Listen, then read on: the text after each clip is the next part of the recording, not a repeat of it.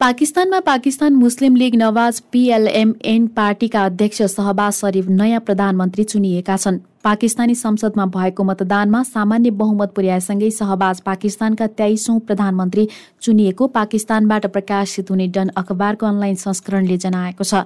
प्रधानमन्त्री बन्न पाकिस्तानी संसदमा कायम तीन सय बयालिस मध्ये एक सय बहत्तर सिट आवश्यक पर्छ। संसदमा भएको मतदानमा सहबाजको पक्षमा एक सय चौरात्तर मत खसेको पाकिस्तानबाट प्रकाशित हुने एक्सप्रेस ट्रिब्युन पत्रिकाको अनलाइन संस्करणले जनाएको छ। प्रधानमन्त्री बन्न शरीफका साथै इमरान खानको पाकिस्तान तहरी तहरिब ए इन्साफ पीटीआईका उपाध्यक्ष शाह महमुद कुरैसीले मनोनयन दर्ता गराएका थिए। यद्यपि प्रधानमन्त्री चयन प्रक्रिया अघि पीटीआईका सांसदहरूले सामूहिक राजीनामा दिँदै संसद बैठक बहिष्कार गरेका थिए। यसअघि शनिबार अबिर संसदले प्रधानमन्त्री इमरान खान विरुद्ध विश्वासको प्रस्ताव पारित गरेसँगै उनी पदमुक्त भएका थिए। पाकिस्तानी राजनीतिमा निकै चर्चित नाम रहे पनि सहबाजलाई पाकिस्तान बाहिर थोरैले चिन्छन्। तर प्रभावकारी प्रशासकको रूपमा देशभित्र उनको उच्च प्रतिष्ठा रहेको बताइयो गरिएको छ। पाकिस्तानमा तीन पटक प्रधानमन्त्री बनेका नवाज शरीफका कान्छा भाइ सहबाजले इमरान खान नेतृत्वको सरकार ढाल्न नेतृत्व गरेका थिए। सहबाजको पाकिस्तानको शक्तिशाली एवं आन्तरिक राजनीतिमा निकै प्रभावशाली मानिने सेनासँग पनि राम्रो सम्बन्ध रहेको बताइन्छ। पन्जाब प्रान्तको मुख्यमन्त्री हुँदा सहबाजले कुशल ढंगले आफ्नो भूमिका निभाएको पाकिस्तानी सञ्चार माध्यमहरू बताउँछन्। चीनले सहयोग गरेका परियोजना सम्पन्न गर्न उनी बेइजिङसँग निकट भएर कार्य गरेका थिए। गत साता एक अन्तर्वार्तामा उनले अमेरिकासँगको राम्रो सम्बन्धमा जोड दिएका थिए। इमरान खानले भने अमेरिकाको विरोध गर्दै आएका थिए।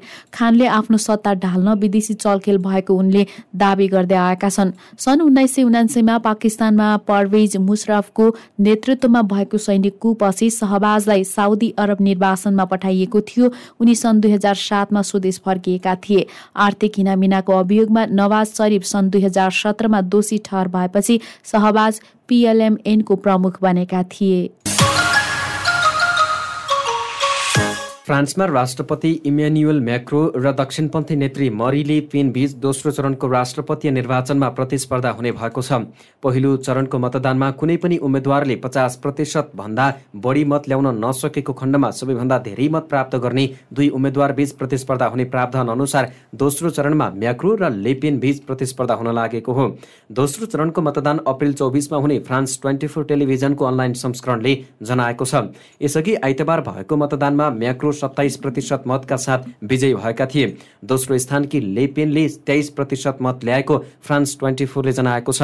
यसअघि सन् दुई हजार सत्रमा भएको निर्वाचनमा पनि यी दुई नेताबीच प्रतिस्पर्धा भएको थियो।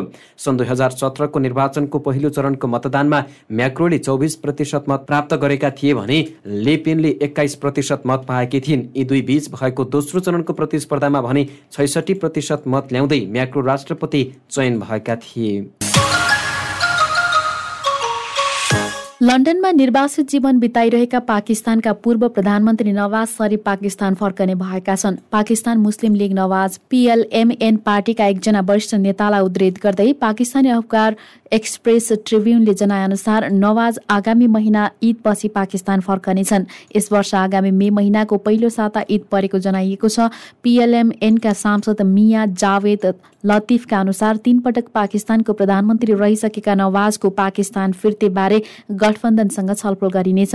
कान्छाबाई सहबाज शरीफ नयाँ प्रधानमन्त्री बनेसँगै नवाजको पाकिस्तान फिर्तीबारे पीएलएमएनका कार्यकर्ता र आम सर्वसाधारणमा ठूलो चासो रहेको बताइन्छ।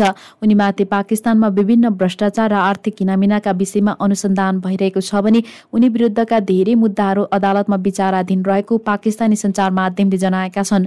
सन् दुई हजार उन्नाइसमा सर्वोच्च अदालतले पानामा पेपर्स काण्डमा नवाजलाई दोषी ठहर गरेपछि बहत्तर वर्षीय उनको राजनैतिक भविष्य सकिएको आकलन गरिएको थियो।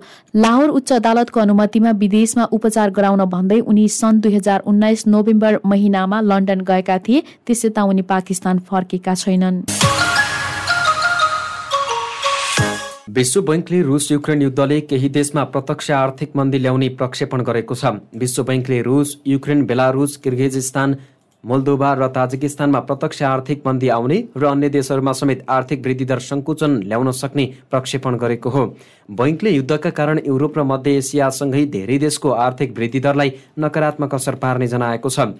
विश्व बैङ्कले युद्धका कारण युक्रेनको अर्थतन्त्रमा यो वर्ष करिब पैँतालिस दशमलव एक प्रतिशतले सङ्कुचित हुने र अन्तर्राष्ट्रिय आर्थिक प्रतिबन्धहरूका कारण रुसको अर्थतन्त्र एघार दशमलव दुई प्रतिशतले सङ्कुचित हुने प्रक्षेपण गरेको छ। त्यस्तै बैङ्कले आर्थिक सङ्कुचनको असर युरोप र मध्य एसियाली देशहरूका उदीयमान बजार र विकासशील देशहरूले भोग्ने समेत विश्व बैङ्कको पछिल्लो आर्थिक प्रक्षेपणले जनाएको छ। विश्व बैङ्कले रुसी आक्रमणका कारण पूर्वी युरोप र मध्य एसियामा कोभिड महामारीले भन्दा बढी आर्थिक नोक्सानी हुने प्रक्षेपण गरेको छ। युक्रेनका अधिकांश मानिसहरू युद्ध मैदानमा खटिएको वा शरणार्थी भई विदेश पलायन भएका कारण आर्थिक गतिविधिमा कमी आएको विश्व बैङ्कलाई उद्धृत गर्दै बिबिसीले जनाएको छ। प्रक्षेपणले मध्य एसियाली देशहरूको रेमिटेन्समा समेत युद्धका कारण धेरै असर पार्ने जनाएको छ। युद्धले विश्वव्यापी मन्दी ल्याउने मुद्रास्फीति र ऋण बढाउने तथा गरिबी बढाउने चिन्तालाई थपेको विश्व बैङ्कले जनाएको छ। बैङ्कले युद्धका कारण वित्तीय बजार व्यापार आप्रवासन र बजारको आत्मविश्वासमा प्रतिकूल प्रभाव पारिरहेकाले संसारभरको आर्थिक वृद्धि दरमा असर पार्न सक्ने चेतावनी पनि दिएको छ।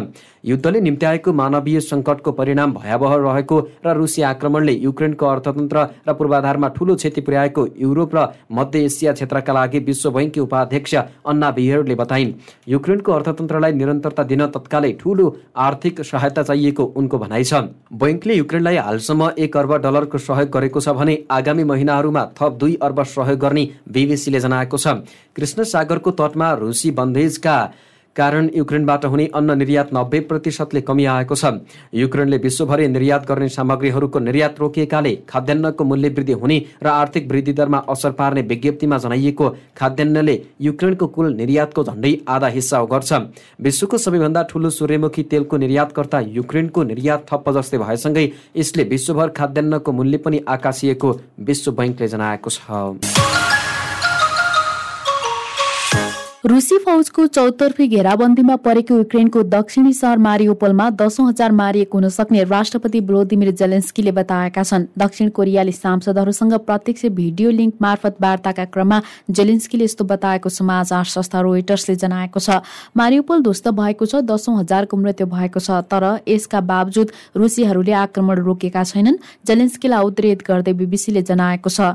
यद्यपि जेलेन्स्कीको दावीको स्वतन्त्र पुष्टि भने हुन बाँकी छ। चौतर्फी घेराबन्दीमा रहेका कारण सहरभित्रबाट समाचार प्राप्त गर्न निकै कठिन रहेको बताइन्छ। सहरबाट भाग्न सफल केही शरणार्थीहरूले भने सहरमा शवहरू अविवासित चिहानमा गाडिएको रुसी फौजमा सरेक चेचेन लडाकुहरूले लुटपाट मचाएको तथा सहरभरि भोकमरीको अवस्था रहेको बारे जानकारी दिएको बिबिसीले जनाएको छ। मारिउपल सहरमा रुसी फौजले बारम्बार आक्रमण गर्दै आएका छन्। रणनीतिक रूपमा अत्यन्तै महत्वपूर्ण भौगोलिक अवस्थितिमा रहेको मारियोपल रुसी सेनाको प्रमुख निशानामा रहेको अन्तर्राष्ट्रिय सञ्चार माध्यमले जनाएका छन्।